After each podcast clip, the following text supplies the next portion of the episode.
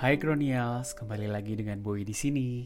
Bagaimana kabar teman-teman Gronials? Pastinya dalam keadaan sehat ya. Hmm, ya walaupun saat ini kita lagi berjuang dengan pandemi COVID, uh, diharapkan teman-teman Gronials tetap patuh terhadap protokol kesehatan ya teman-teman Gronials.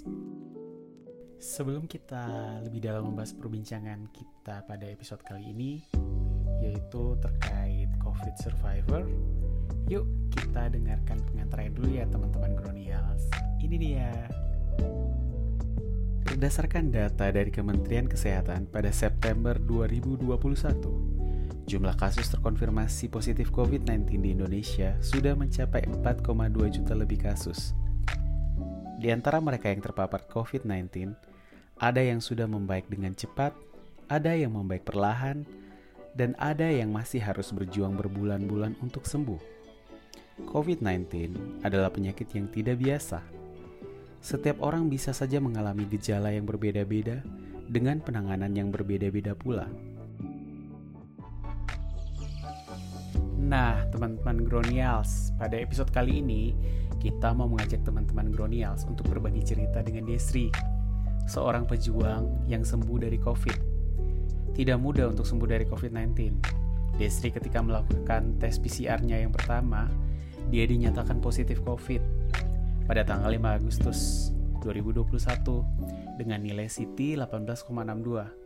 Dan dengan penuh perjuangan, Desri mampu membuktikan kepada teman-teman Gronials, dia mampu bangkit dari belenggu COVID-19 dengan menjalani isolasi mandiri dan melakukan tes PCR-nya yang kedua dan kemudian dinyatakan negatif pada tanggal 19 Agustus dengan nilai CT sudah di atas 40. Yuk, kita langsung aja ngobrol dengan orangnya langsung.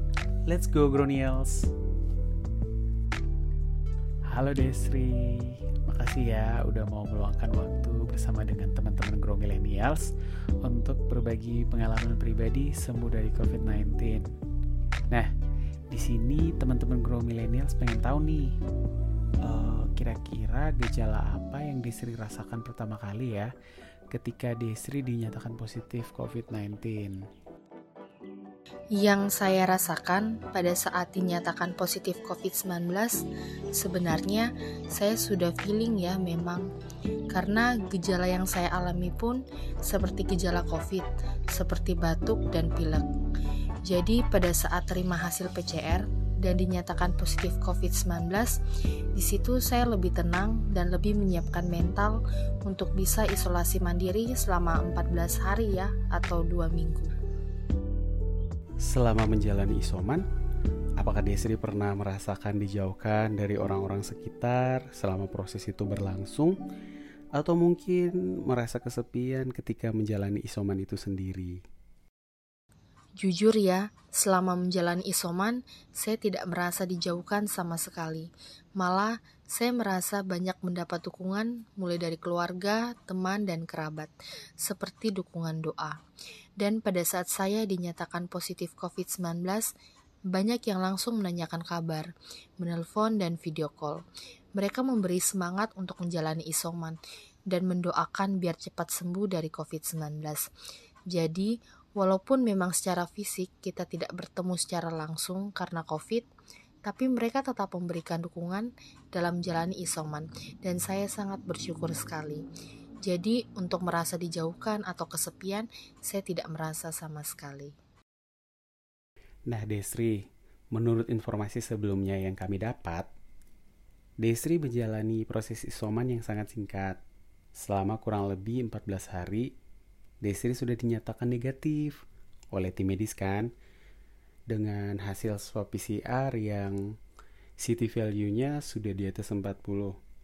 Nah, Grow Millennials pengen tahu nih, selama menjalani proses itu gimana sih kiat-kiat Desri untuk bisa uh, sembuh dari COVID itu cepat? Kira-kira motivasi apa yang membuat Desri itu akhirnya bisa cepat negatif hasil uh, swab PCR-nya. Memang pada dasarnya saya adalah tipe orang yang bila menghadapi masalah, saya ingin melihat dari sisi positifnya. Atau apa sih makna dari masalah yang saya hadapi saat ini? Jadi, Selama 14 hari isoman, saya lebih menyiapkan mental saya biar gak stres atau pikiran dalam menjalani isoman. Karena kalau kita stres, itu akan mempengaruhi juga pada diri kita. Juga, saya lebih mendekatkan diri saya kepada Tuhan dengan berdoa. Selain itu, saya lebih memotivasi diri saya agar bersemangat dan tekun dalam menjalani proses isoman. Seperti tiap pagi harus berjemur, kecuali pada saat lagi hujan. Makan makanan yang bergizi, sayur dan buah-buahan, minum minuman herbal, dan juga sering kumur mulut ya, biar bakteri yang ada di mulut dan tenggorokan bisa mati. Nah, setelah semua proses yang sudah dijalanin sama Desri untuk melawan COVID-19, ada kesan dan pesan apa sih yang pengen Desi sampaikan untuk sobat grow millennials di luar sana yang mungkin masih berjuang melawan COVID-19 biar bisa sembuh dan pulih dari COVID-19. Buat sahabat Gronials di luar sana yang masih berjuang untuk sembuh, pesan saya tetap berdoa mengandalkan Tuhan, tetap semangat terus dalam jalani isoman, jangan pernah stres, karena itu akan merugikan diri kita sendiri. Tetap yakin dan percaya bahwa kita pasti akan sembuh dan negatif dari COVID-19, karena semua akan negatif pada waktunya. Semangat terus ya sahabat Gronials. Terima kasih sekali lagi ya buat Desri sudah mau membagi cerita pengalaman sembuh dari COVID-19. Ini sungguh sebuah motivasi ya untuk kita teman-teman Grow Millennials yang memang lagi berjuang di tengah pandemi ini. Di penghujung podcast ini, mari kita memberikan dukungan, semangat, dan perhatian bagi satu sama lain di sekitar kita. Semoga perbincangan ini bisa membuat kita tetap waspada dan tidak lengah Bersama kita bisa melawan penyebaran COVID-19.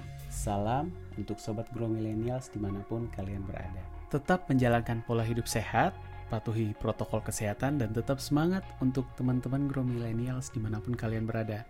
Sampai ketemu di episode selanjutnya. Salam Grow Millennials.